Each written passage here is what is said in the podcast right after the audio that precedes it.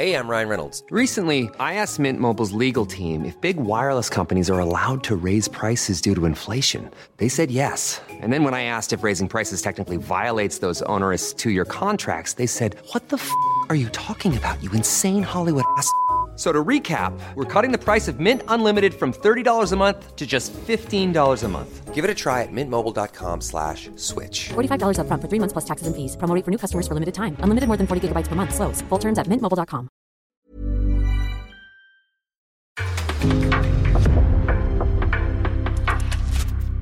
En podcast från Aftonbladet. Det var med nöd och näppe som Sverige vann mot Schweiz. Det blev till slut 2-1 till blågult. Resultatet var okej. Vi hade hoppats på mer, men eh, vi vinner matchen, vi får tre poäng och det är det som är viktigast. Men eh, vi, vi kommer kräva mer av vårt spel. Vi vill få ut mer av vårt spel, så det är väl det som är den tunga delen i det. På bilresan tillbaka till Chester diskuterar vi vad som gick snett, vilka som borde få chansen mot Portugal och om Sverige verkligen pallar favorittrycket. Så vad väntar vi på? Nu sparkar vi igång!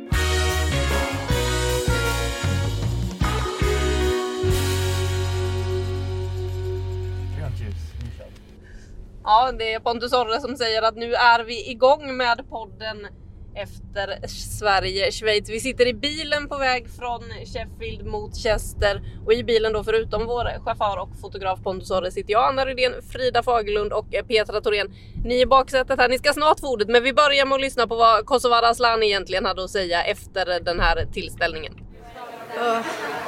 Mycket känslor. Eh, vi vinner matchen men eh, eh, jag är helt klart förbannad efter slutsignalen och tycker att eh, vi har så mycket mer i oss och eh, vi måste kunna göra det bättre mot, mot, eh, mot Schweiz. Och visst, de har analyserat oss, de krympte ytorna. Jag hade en som var eh, i min rygg eh, ständigt under hela matchen och eh, kunde, man märkte att de inte ville eh, ha mig involverad i spelet eller, våra, eller oss i spelet att få. Men man måste hitta andra spelvägar, man måste få fart på bollen mycket mer och eh, var mycket bättre i passningsspelet än man var idag. I slutändan, eh, vi spelar inte alls bra och vi vinner matchen, det är en styrka i sig. Så eh, vi får ta med oss det att eh, när vi spelar så här så eh, vinner vi ändå. Det är också, det är också en styrka. Hur många nivåer till känner du att ni har i er? Nej, Vi har många fler nivåer i oss. De som sett oss tidigare vet vilka, vilken nivå vi har i oss. Men såklart så har motståndarna analyserat oss och de vill göra det svårt för oss. Men vi måste hitta andra spelvägar, vi måste få fart på bollen och vi kan inte eh, drälla med bollen så, mycket. Och jag, för egen del också, jag menar det är, inte, det är hela laget som måste lyfta sig. Ja, en förbannad Kosovare Asllani var det som klev ut i den mixade zonen efter matchen. Eh, vad säger ni här i baksätet? För det är där vi har satt er, Petra och Frida.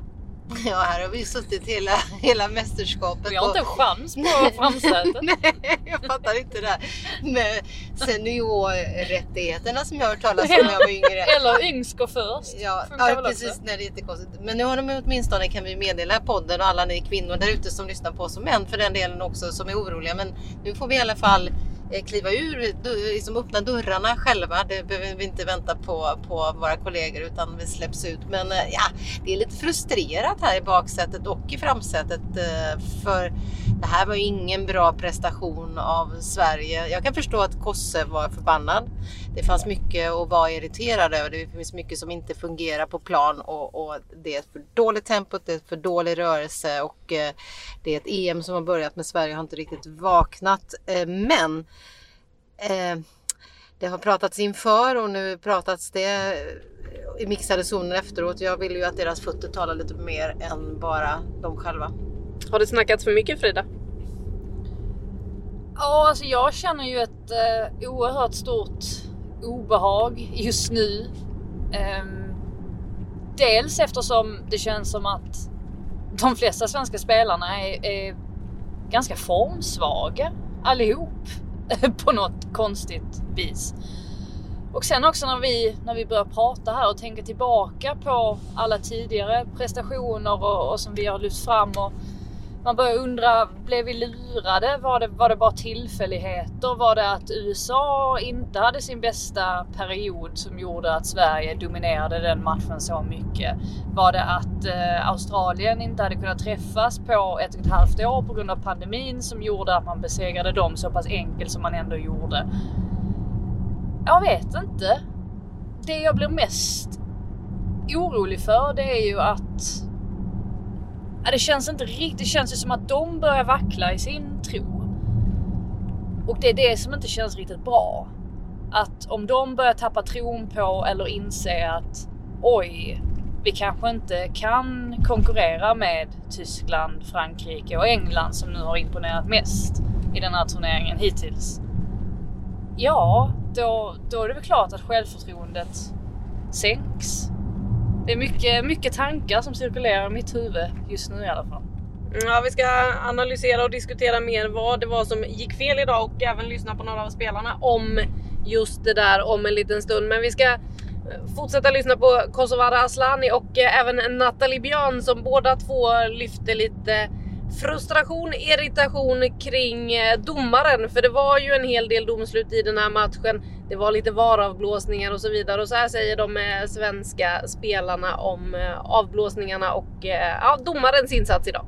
Bra domare syns inte så jättemycket och då tycker jag att det syntes väldigt mycket. För jag tycker att domarna har haft en väldigt hög nivå de tidigare EM-matcherna.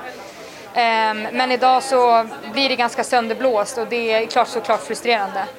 Ja, hur frustrerad blir man på planen när man känner att det inte riktigt håller den nivån man själv vill? Ja, det är klart, jag blir skitfrustrerad men jag försöker bara hålla mig lugn för att oavsett vad så är det hon som dömer så om jag går fram och skriker så spelar det ingen roll utan Seger får ta, ta diskussionen med domaren. Ja, jag, jag ska inte ens kommentera domaren idag. Jag tycker hon tillåter alldeles för mycket och det går inte ens att prata men jag vet inte. Det, jag ska inte fokusera på det men eh, eh det var mycket känsla på planen och som jag sa, jag går av planen och jag är fly förbannad för jag tycker vi måste göra det bättre.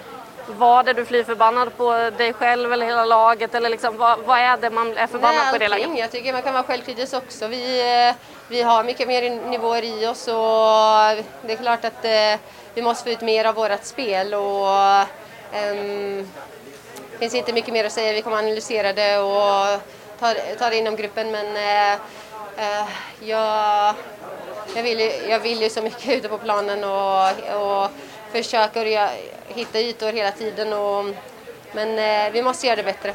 Ja, hon är ju inte gladare här Kosovare Asllani när hon får prata om eh, domaren. Hon har, tycker ju själv att hon har en spelare som ligger i hälarna hela tiden och man såg flera gånger, kanske framförallt i slutet på den första halvleken, att hon tittade upp och slog ut med armarna mot eh, domaren efter i stort sett varje situation. Vad tänker ni kring kritiken? Jag tänker snarare att det är smart försvarsspel från Schweiz sida att veta hur de ska stänga då som Kosovo var inne på själv. Spel utav två, alltså mellan, utan mellan då. Eh, sin egen backlinje och mittfältet där hon gillar att ligga och länka och, och liksom fiska och hitta eh, spel framåt. Eh, och det är klart att man kliver upp på henne tätt i ryggen. Eh, precis som Sverige förra matchen valde att kliva högt på Midema så kliver man upp på en sån spelare. Eh, tycker att eh, eh, Sverige skulle kunna hantera det genom ett snabbare bolltempo, snabbare beslutsfattande. Det där har ni hört förut nu då, men, men eh, eh också genom att vara lite tuffare i duellerna. Jag tycker att, eh, jag menar hon får ett par bra frisparkar liksom.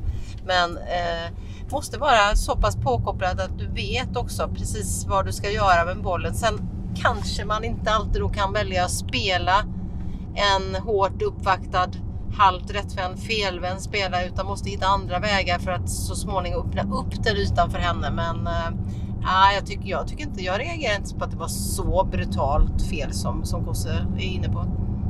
Frida, vad tänker du om att de är inne på att de här avblåsningarna, för det var ju flera av spelarna som också lyfte att avblåsningarna påverkar matchen en del. Avbrotten som blir både då när det handlar om olika domslut eller VAR-situationer men även när det blir skadeavbrott och så vidare. Jo absolut men det, de kan ju inte skylla på det. De måste ju bli bättre på att hantera sådana saker. Jag börjar tänka lite att, för det har vi ju nämnt tidigare det här med att Sverige inte har sådär jättemånga spelare som eh, kvalar in bland de tio bästa spelarna i världen. De har inga spelare som kvalar in på de tio, bland de tio bästa i världen utan det vi har haft det är ju liksom ett väldigt starkt kollektiv som alltid har varit väldigt väl förberedda och satt en matchplan som väldigt ofta har fungerat, särskilt mot de lite starkare nationerna. Och nu börjar man tänka om det inte är så att, att andra länder har lite grann kommit ikapp och eh, har väl också fått bättre resurser och förbereder sig också väldigt bra och anpassar sig utifrån Sverige. Schweiz gjorde det jättebra. De fick ju match, matchbilden precis dit de ville. Och Sverige kändes inte riktigt som att de hade... Jag vet, jag tyckte lite grann att det kändes som att de, de gick i samma fällor som, som Portugal gjorde mot Schweiz där under första halvleken när de liksom hamnade i ett 0-2 underläge. Ja, eh, just det här att de, de såg till att och, och, eh, stänga ner Kosse totalt. Jag, bara, jag känner att jag börjar känna mig väldigt splittrad och, och vet inte riktigt vad jag ska tro eh, om det här eller vad det innebär för fortsättningen för att man kan inte riktigt se att det här laget just nu så som de spelar att de ska kunna straffa någon av, eh, av de här nationerna som har, har varit bäst hittills. Vi kan väl ta och lyssna på vad eh, spelarna själva säger nu då om eh, vad som gick fel, även om flera av dem var inne på att det är svårt att analysera direkt efter matchen. De vill ju gärna sätta sig ner nu och titta igenom det här ordentligt. Men vi lyssnar på Nathalie Björn, Stina Blackstenius och Fridolina Rolfö. Det är svårt att säga bara så här direkt efter men bara spontant så är det att vi, vi tappar väldigt mycket boll känns det som. Eh, eh, och går lite långsamt i, i passningstempo och försöker spela igenom på det sättet vi kan och jag tycker Schweiz gjorde det bra. De låg tätt på våra innermittfältare och spelade två så att då måste vi försöka hitta, fortsätta det vi gör fast ännu snabbare för att kunna spela igenom. Alltså det är svårt men eh, skulle vi säga att det saknas lite tempo ibland, att det blir lite för många touch på bollen och Eh, det gör också att eh, ett organiserat Schweiz och aggressivt Schweiz hinner komma i positionerna och de, ytor, de ytorna vi kommer åt de, de försvinner ganska, ganska snabbt och, och ja, så att vi, vi kommer inte riktigt till de ytorna vi vill. Så lite mer tempo skulle jag säga.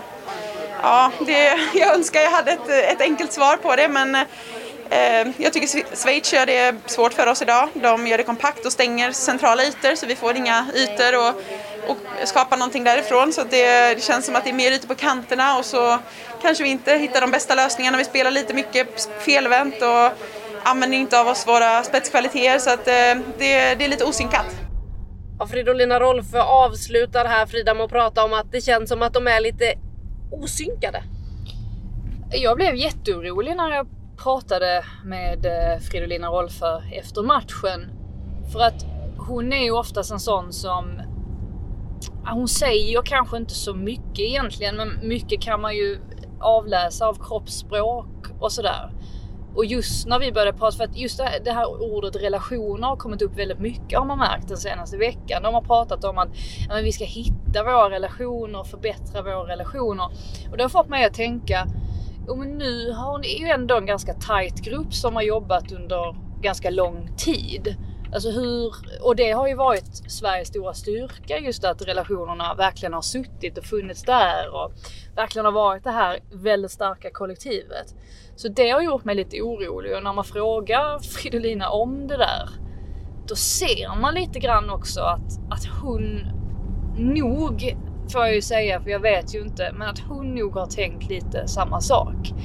Det är någonting som inte klaffar i det här laget just nu. Och jag vet inte om det är för att de bara spelade en träningsmatch innan de kom hit. Det är färre än vad många andra lag gjorde inför och där kan man ju ändå testa lite och, och sådär på ett helt annat sätt. Ehm, men ja, det, det är konstigt. Jag tycker att det är en konstig känsla över, över allt det här just nu. Och nu ska man inte bli för, för hård heller för att de vinner matchen de skulle ha och borde ha vunnit med, med fler mål. Det hade väl blivit så om, om eh, ja, de kanske inte skulle ha fått det här ena målet bortdömt och, och så vidare. Det är väl inte det riktigt, men, men spelet, särskilt under första halvleken, höll ju inte riktigt.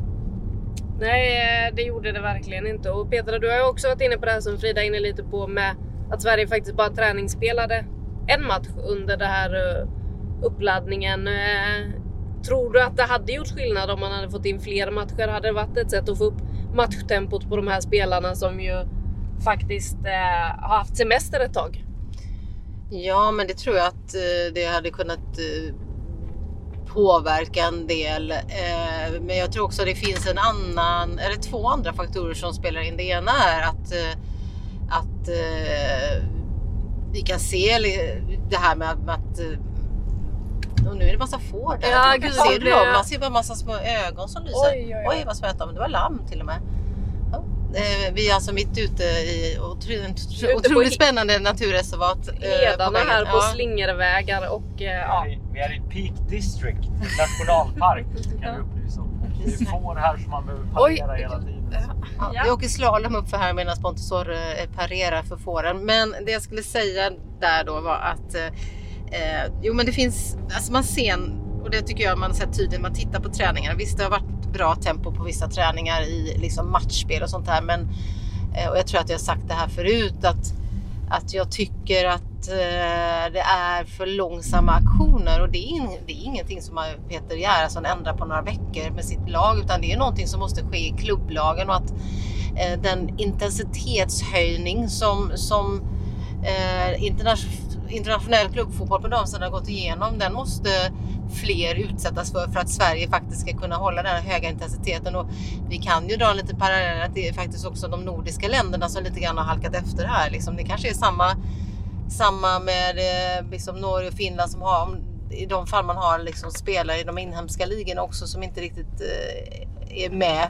Eller på träningarna även med landslaget att det, där måste man upp en nivå. Det blir lite långrandigt. Den andra faktorn är att eh, när Sverige blir bra i den här matchen, det är ju 52 minuten och framåt och, och det som händer då är att eh, eh, Sverige pressar lite lägre.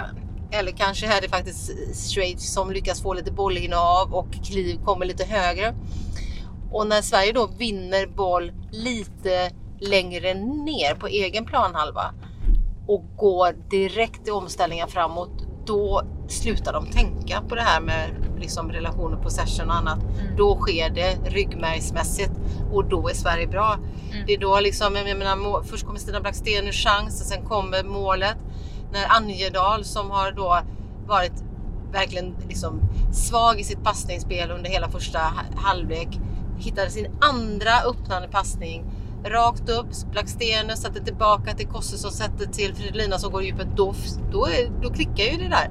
Så jag tror att de får eh, de, har, de är lite krampaktiga kring det här att vi ska spela possession och vi ska ha ett bra bollinnehav och vi ska briljera med det.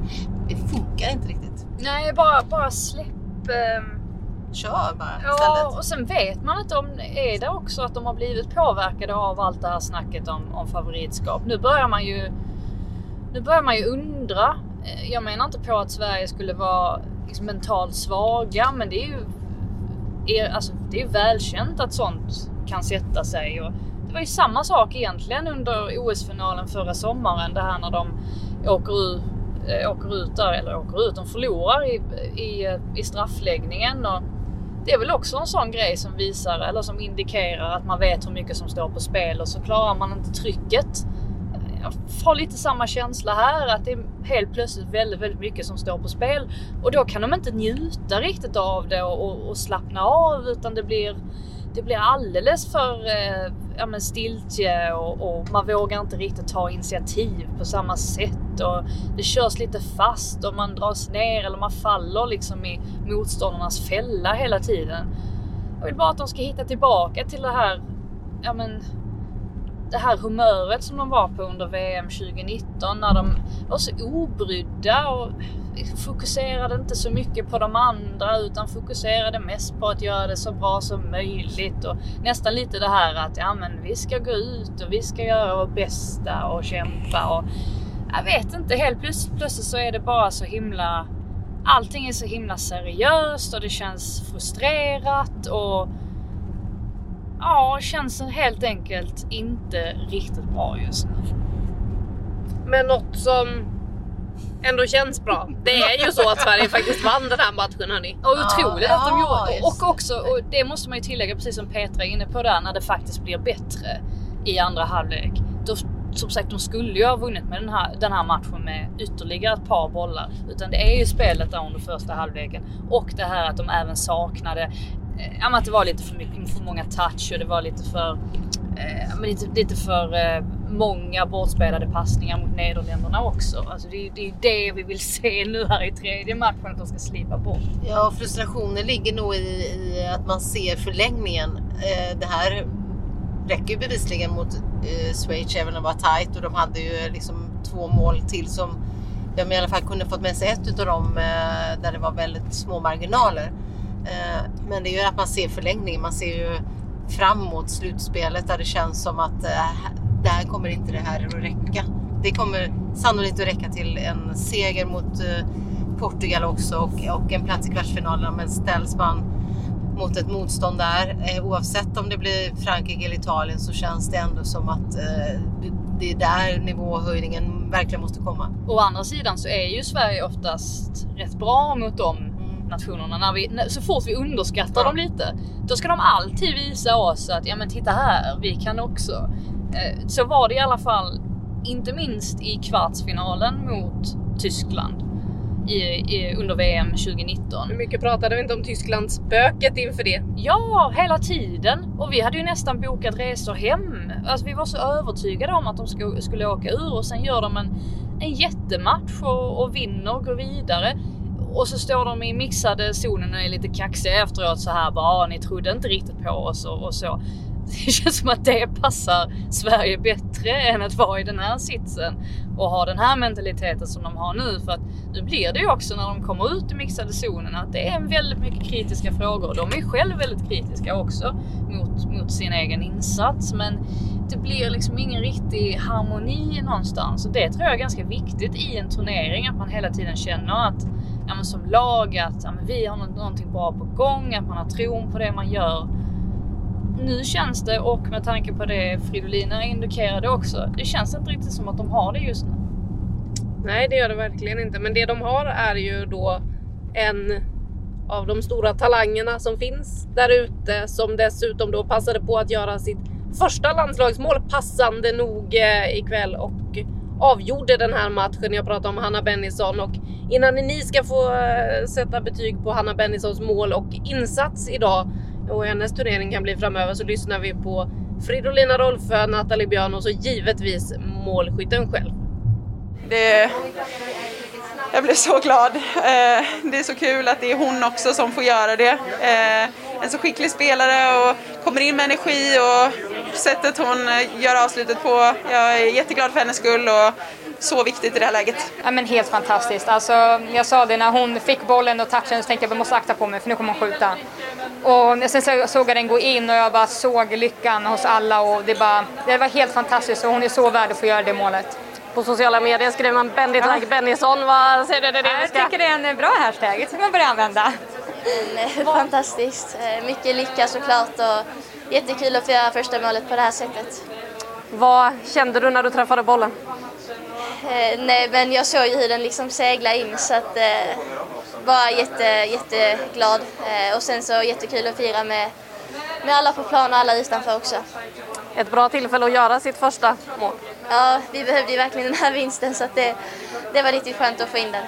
Hur mycket känslor är det där när man ser att den går in och man inser att ni tar ledningen igen? Nej men eh, jättemycket känslor. Eh, det känns nästan lite overkligt när, när den gick in där så att eh, nej, magiskt.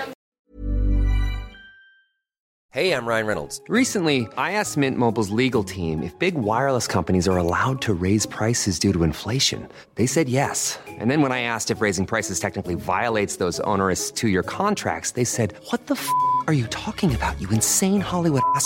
So to recap, we're cutting the price of Mint Unlimited from $30 a month to just $15 a month. Give it a try at mintmobile.com slash switch. $45 up front for three months plus taxes and fees. Promo for new customers for limited time. Unlimited more than 40 gigabytes per month. Slows. Full terms at mintmobile.com. Mäktigt eh, tycker Hanna Bennison att det här var. Eh, det kan jag förstå. Det är en eh, hyfsad träff hon får till. Vad säger ni om målet? Men det var ju jättefint. Eh, eh bra utav Fridolina Rolfes att släppa den bollen också till, till Hanna Bennison som hade ett sånt där perfekt eh, eh, centralt skottläge. Det är en eh, liten tjej. Även om hon ser, till att, ser ut som att hon har eh, musklat till sig under perioden i England så är det eh, en ganska liten lirare med ett väldigt stort eh, och fint tillslag och det där har hon tränat på tidigare. Det sa i alla fall Caroline Seger som har sett henne göra det i Rosengård så att eh, det kom ju inte så där från ingenstans men eh, det var ett viktigt mål, det var ett fint skott eh, och, en fin punkt liksom i alla fall på den här matchen. Jag tyckte det var lite roligt när jag bad henne beskriva målet, om hon hann tänka någonting precis innan målet. Så sa hon nej, han inte tänka så mycket. Och ja, men det tog ganska lång tid innan bollen nådde fram också. För det var ganska, alltså, hon menade på att det var inte så, så hög styrfart på skottet. Jag tyckte att det var lite, det var lite roligt. Så här. Hon bara, ja men jag hittade luckan där. Hon är ju väldigt försynt. Alltså, det är en väldigt mysig människa att, att prata med. Hon pratade också väldigt mycket om det här med, med pressen som har varit på henne just, ja men det var väl våren 2021 när fotbollssajten Goal utsåg henne till världens största talang på damsidan. Och det är ingen lätt, lätt titel att, att bära på. Och det har väl varit ganska, ganska tufft för henne. Men så säger hon ju det att ja, men man har ju försökt tänka att den här pressen har ju kommit från, alltså, ur, från ett positivt perspektiv. Alltså det är ju för att jag har gjort någonting bra som jag har den här pressen på mig. Jag lägger själv jättemycket press på mig, sa hon. Men det märktes ändå att så här glad var det ändå länge sedan man såg henne. Hon känner väl också att, och det stod hon och sa, det var inte många dagar sedan hon stod och sa att ja, men jag är långt efter Angeldal, inte långt efter, men hon indikerade ändå att jag kommer nog inte få spela så mycket. Frågan är nu, jag tror att hon kommer få spela desto mer för att Angeldal är ju en av de här spelarna som verkligen inte har varit särskilt formstark och det var hon ju sannoliken under OS förra sommaren. Man trodde hon skulle vara det nu igen, men jag tror verkligen att Bennison har en, har en chans där. Var, du är inne på någonting här, förändringar inför Portugal i en startelva. Vad, Känner ni där? Är det några som ska ut ur den här startelvan och några som då ska in? Förhoppningsvis så vill ni ta in några också om ni tar ut några. Jag är glad om vi har 11 spelare från start mot Portugal. Ja. Eh, viss kritik kring Hedvig Lindahls agerande har det ju varit från, eh, från Finland men eh, hon kommer ju vara, kommer ju vara stabil i sig. Sen när började vi bry oss om vad Finland tycker? Jag vet inte faktiskt. Eller jo, det vet vi, men det, är väl lite kanske internt. Men det var ju en stark kritik. Eh, och jag tycker inte heller att det har vi varit inne på att Hedvig har inte varit övertygad. Hon är inte lika snabb ifrån skjutet och är liksom en sidled i fötterna och sådär. Men, men eh, hon kommer ju att växa in i den här turneringen och, och, och där är jag inte ett dugg eh, tveksam till att, att det fortsatt ska vara Hedvig som står. Eh, sen har vi lite utmaningar i backlinjen. Jonna Andersson kommer ju vara fräsch med, från sin vadkänning. Eh, och lär ju komma in i startelvan mot Portugal eh, där det behövs också en snabbhet. Eh, så där är ju frågan då om det blir så att Magda eh, Eriksson får kliva åt sidan efter dagens insats eh, med tanke på att ändå Nathalie Björn och eh, Amanda Ivestad gjorde det bra. Och sen är det mittfältet Angelal Bennison. Vad har vi mer? Eller tänker du annorlunda? Nej, jag tänker jag är väl inne, inne på lite samma ändå. Jag vet, eh, jag tycker ju att Nathalie Björn, jo hon blandar och ger när hon kliver upp idag. Men jag känner ändå att hon har sett så pass bra ut de här senaste matcherna att hon förtjänar att fortsätta starta. Sen eh, är jag lite sådär tudelad kring vem som i så fall borde petas i, i mittlåset om vi tänker oss att Jonna Andersson är tillbaka från start nästa match. Och Magdalena Eriksson, även om hon inte hade en särskilt bra dag idag, så är hon bättre som mittback eftersom hon har mindre ytor att, att täcka. Man märkte att hon blev, hon blev överväldigad av det här. Det blev för mycket på en gång och det ledde till slarviga passningar och så vidare. Jag tycker ändå att hon är bättre i, i ett mittlås. Amanda Ilestedt har sina kvaliteter. Hon är väldigt, väldigt duktig i luftrummet, väldigt bra på fasta situationer. Samtidigt bidrar hon med så mycket mer, nej inte i passningsspelet. Där tillför hon ju ingenting. Men det gör ju Magda däremot som har en har, en bättre, har bättre fötter så att det beror väl lite grann på vad man, vad man vill vilket, typ, vilket typ av spel man vill ha mot Portugal. Men jag hade nästan kört på Björn och Eriksson. Um, så det är väl det, är väl det jag, jag känner kring försvaret. Ja, jag vet, jag vet inte. Jag vet inte. det är så mycket tankar Ja men det är så mycket tankar och det bara snurrar runt och runt i huvudet och man försöker hitta ett svar på varför, på varför det går så här och man börjar tänka, har man jinxat? Är det det? Skulle man ha varit lite neggig här inför? Så Men att- alltså det, vi kan ju inte sitta och säga att Sveriges krampaktighet i det här EMet beror på oss. det, då tror jag vi tar på oss lite för stort ansvar. Alltså jag har ju Ja. ganska känslor, alltså jag har inte så mycket känslor kring det. Jag bara konstaterar. Nej, men är det vi som har hypat upp dem? Förstår du vad jag menar? Har- De själva gick ut med kampanjen How to hypat- beat Sweden på sina de har tröjor. hypat sig själva. Jag har ju inte tippat dem då ska jag ju poängtera som vinnare utan jag har tippat dem ut i, slutspelet. Men eh, det, vi, ja, nej, men det, det spelar, alltså så här. Är de tillräckligt bra så vinner de ju oavsett vad vi tycker eller det trycket. De har ju lagt dem, de, stör, de säger alltid det, de största förväntningarna har vi på oss själva. Då är det möjligen att de har lagt för hö- stora förväntningar. Det tror jag kan vara mycket att de har lagt för stora förväntningar på sitt eget spel och sin egen förmåga. Och att möjligen att OS-framgången inte är den vä- rättmätiga värdemätaren. Och Rättmätiga värde, men inte den värdemätaren som, som man kanske har trott. För det fanns andra faktorer som påverkar. Men, men det är ju de själva som har, liksom, de har själva försatt sig i den här sitsen. Det är de själva som håller i ratten och kör. Pontus håller i våra ratt, han tar oss hem. Caroline Seger får fan ta sin, sitt, sin lagratt och liksom ratta det här laget direkt. Det har ingenting med, med eh, vad vi har gjort att göra. Jag försöker, nu försöker jag ta på mig skulden här. Jag vet inte.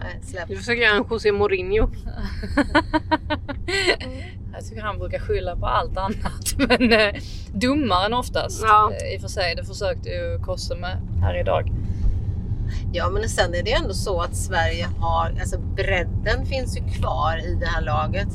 Vilket innebär att det, det, det kommer alltid fram till att de är ganska tunga på slutet och de kan sätta in andra spelare. Det finns också en oändlighet möjligheter för Peter Gerhardsson att laborera om i det här laget om man vill ha in lite formstarkare spelare då som inte, som inte har fått chansen än. Så det finns ju eh, en uppsjö av olika alternativ. Det kanske är det som hade krävts då, liksom göra en en ganska rejäl, skaka om truppen lite grann. Vi pratade bland annat om det här om att de ska få vara på spa imorgon är grejen. Och det har vi ju konstaterat, det kanske de inte borde få vara då utan kanske borde ruskas om lite och... och... Nu vänder vi. Nu vänder vi. Undrar om det vänder för Sverige också nu? Ja, men det här var ju ändå ett tecken. Alltså precis när du sa att jag styr skutan så lyckas jag köra fel. Nej men du hör, vi ska inte lägga så mycket, vi ska inte höja Nej, förväntningarna. exakt, inte förväntningarna. nu, nu höjde vi, höjde vi Pontus och direkt kör han fel. Ja, exakt. Där har vi ju missen ju. Vi måste sluta med det. Vi kan inte höja varandra. Nej, Okej, vi sänker varandra. Det tycker jag låter som en toppen idé.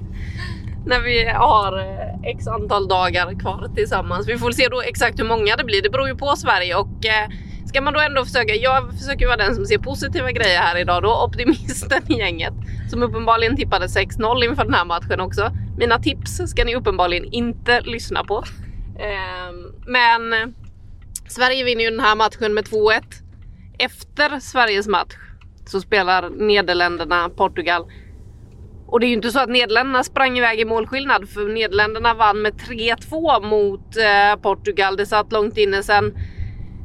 Kan man ju titta på Daniel van de Donks mål hur många gånger som helst. En absolut screamer sa de på BBC. En eh, otrolig träff hon får på det van de Donk som blir då det avgörande målet. Eh, de vinner med 3-2. Och Ska man se det positivt då så är det ju så att Nederländerna springer inte iväg med en massa mål. Ska man se det lite jobbigare så gör ju Portugal faktiskt två mål på Nederländerna också. Sverige och Portugal i nästa match. Ja, de sa Nederländerna saknar ju dessutom en massa spelare nu och Midema inte minst. Så att det får man ju också ha med i, i åtanke, eller ha i åtanke. Och vi var väl inne lite på det, va? eller vi har väl varit inne på det kanske ganska, det känns som att jag har upprepat det tre, fyra gånger nu, men att Sverige och Portugal möttes i Algarve Cup. Och att det inte var så, även om Sverige var starkare i slutändan, Amanda Lindén gjorde en jättefin match. Det var lite grann hennes genombrott i, i landslaget och de var väldigt duktiga på fasta situationer. Så var det inte så att Portugal eh, inte hade någon chans överhuvudtaget. Alltså under första halvleken så borde de ha gjort åtminstone ett mål, till och med två mål. Så att jag, jag känner mig ändå lite sådär, ja, har ändå lite respekt för Portugal, eller mer respekt än vad, eh, än vad man kanske hade trott att man skulle ha från början. Vad känner du inför det mötet eh, Petra? För det blir ju helt avgörande nu sista matchen mot Portugal. Det blir inte samma situation som Peter Gerhardsson hamnat i de två senaste mästerskapen där han då mot USA i VM 2019 och eh, mot Nya Zeeland eh, då i OS kunde välja att rotera, vila, lufta spelare, se till att alla skulle få vara med och spela, få vara glada och allt vad han pratade om. Utan nu är det på allvar. Ja, det är det och eh, det är kanske är bra att det är liksom så svart på vitt i den här matchen. Det finns liksom inte så mycket mellanlägen och eh, jag tror att det kommer kanske också bli en match där Sverige, det blir kanske lite mer eh, böljande och det passar Sverige så att jag tror att eh, Sverige tar den matchen. Eh, behöver inte vara med många mål men jag tror att Sverige faktiskt vinner den matchen och eh, eh ja, då är det ju kvartsfinal. Så att, eh, jag är, känner mig ganska optimistisk inför den matchen för Sveriges del. Ja, den matchen kommer vi att prata mer om framöver. Eh, Pontus? Ja? Du har ju också jobbat lite idag. Ja, absolut. Något har jag gjort i alla fall. Inte bara kört runt på oss, du har fotograferat lite också.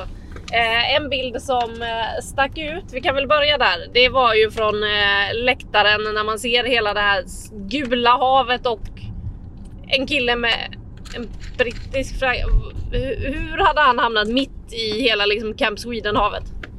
Eh, ja, men det var ju Brendan då, då som eh, var där med sin dotter och eh, dottern då via klassen hade fått eh, gratisbiljetter.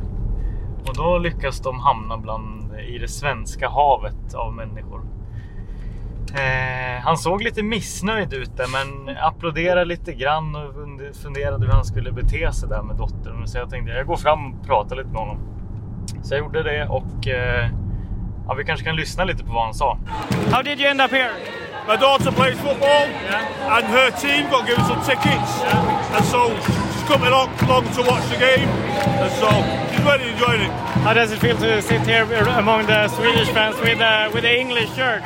one of the favourites of the tournament, so I'm sure we're going to meet each other eventually. It's Great to see how what we're going to play against eventually. How will, how will it be when, uh, if Sweden will uh, play against England, what will the score be? It'll be a very close game. I would like to call it 2-1 either way. What's your name? I'm Brendan. This is Ruby Keenan. Ruby Keenan. Brendan. Brendan. Brendan and Ruby. Yeah. yeah. Right. Ganska konstigt att ha en brittisk flagga på bröstet. Alltså det är ju inte som... Alltså det är ju desto vanligare att ha en, en, en engelsk flagga såklart. Alltså i fotbollssammanhang. Det är inte ofta vi får se Team GB spela. Det är ju bara under, under OS, om ens då. Så att ja, lite, lite speciellt ändå att kliva in på en fotbollsarena med den på bröstet. Det, ro, det roliga var ju också där att det fanns ju ganska mycket platser lediga så men han kanske trivdes där. Det, han liksom kände att han hade trivdes med svenskar runt omkring sig. Ja, det var ju ganska bra stämning där i alla fall, för det var ju mycket svenska supportrar på plats och en som vi ofta ser eh, på läktaren, även om hans dotter försöker indikera annat lite då och då med eh, pikar här och där. Det är ju Mikael Seger, pappa till Caroline som du spottade på väg till arenan redan. Ja precis, du och jag mötte ju upp honom där utanför arenan och eh, när man står där med honom så undrar man ju, är det, är det Caroline vi intervjuar eller är det Micke vi intervjuar? Alltså, tuggummit var ju i munnen och det tuggades frenetiskt och liksom man har, alltså han, man slås ju alltid av det och blir fascinerad av, gud vad lik den där är. Eh, gud vad lik eh, hon är sin pappa. Det finns ju något Något med det liksom. nu dör barnen i baksätet här också. De alltså, kommer bli som dig framöver. Är inte... Jag vet inte, det är något som är så spännande med, med människor.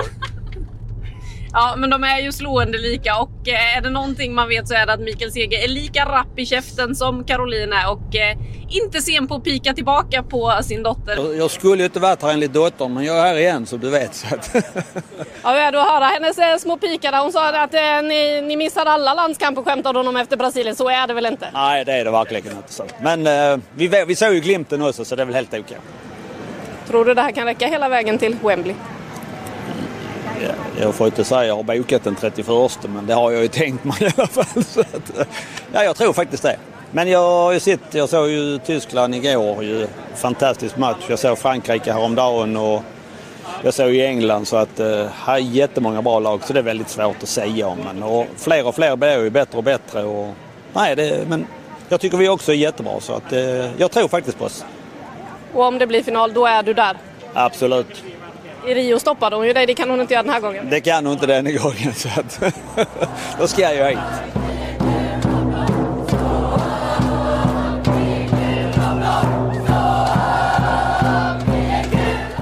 Ja, han säger alltså att eh, han har bokat Wembley. Nu åker Mikael Seger hem från England. Han har sett de två första matcherna, men är redo att komma tillbaka till en final. Vad ger ni Sverige just nu för chanser att ta sig till Wembley den 31 juli? 30 procent. Jag säger avboka Micke. Ja, det var raka svar från Frida Fagerlund som också då har tippat att Sverige ska vinna guld. Det känns som att du tog tillbaka det tipset här, jag här har, och nu. Jag har ju två länder. Det är det som är så skönt. Nu kan jag bara skifta över till det andra istället. Ja, det säger alltså Frida Fagerlund, bosatt i London eh, till vardags. Med det så börjar det bli dags att avrunda, men vi, det är ju 5 plus vi lyssnar på, så vi ska dela ut 5 plus och eh, idag så får ju de 5 plusen gå till eh, hon som skjuter 3 poäng till Sverige, som gör det ordentligt. Hanna Bennison, men Frida Fagerlund slänger också in att månen får 5 plus. Det är alltså en supermåne Ja, det är ute ikväll. alltså. Det, den glöder som ett klot på himlen. Det är, fan, det är fantastiskt.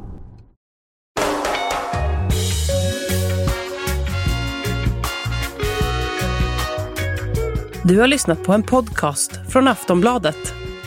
Ansvarig utgivare är Lena K Samuelsson.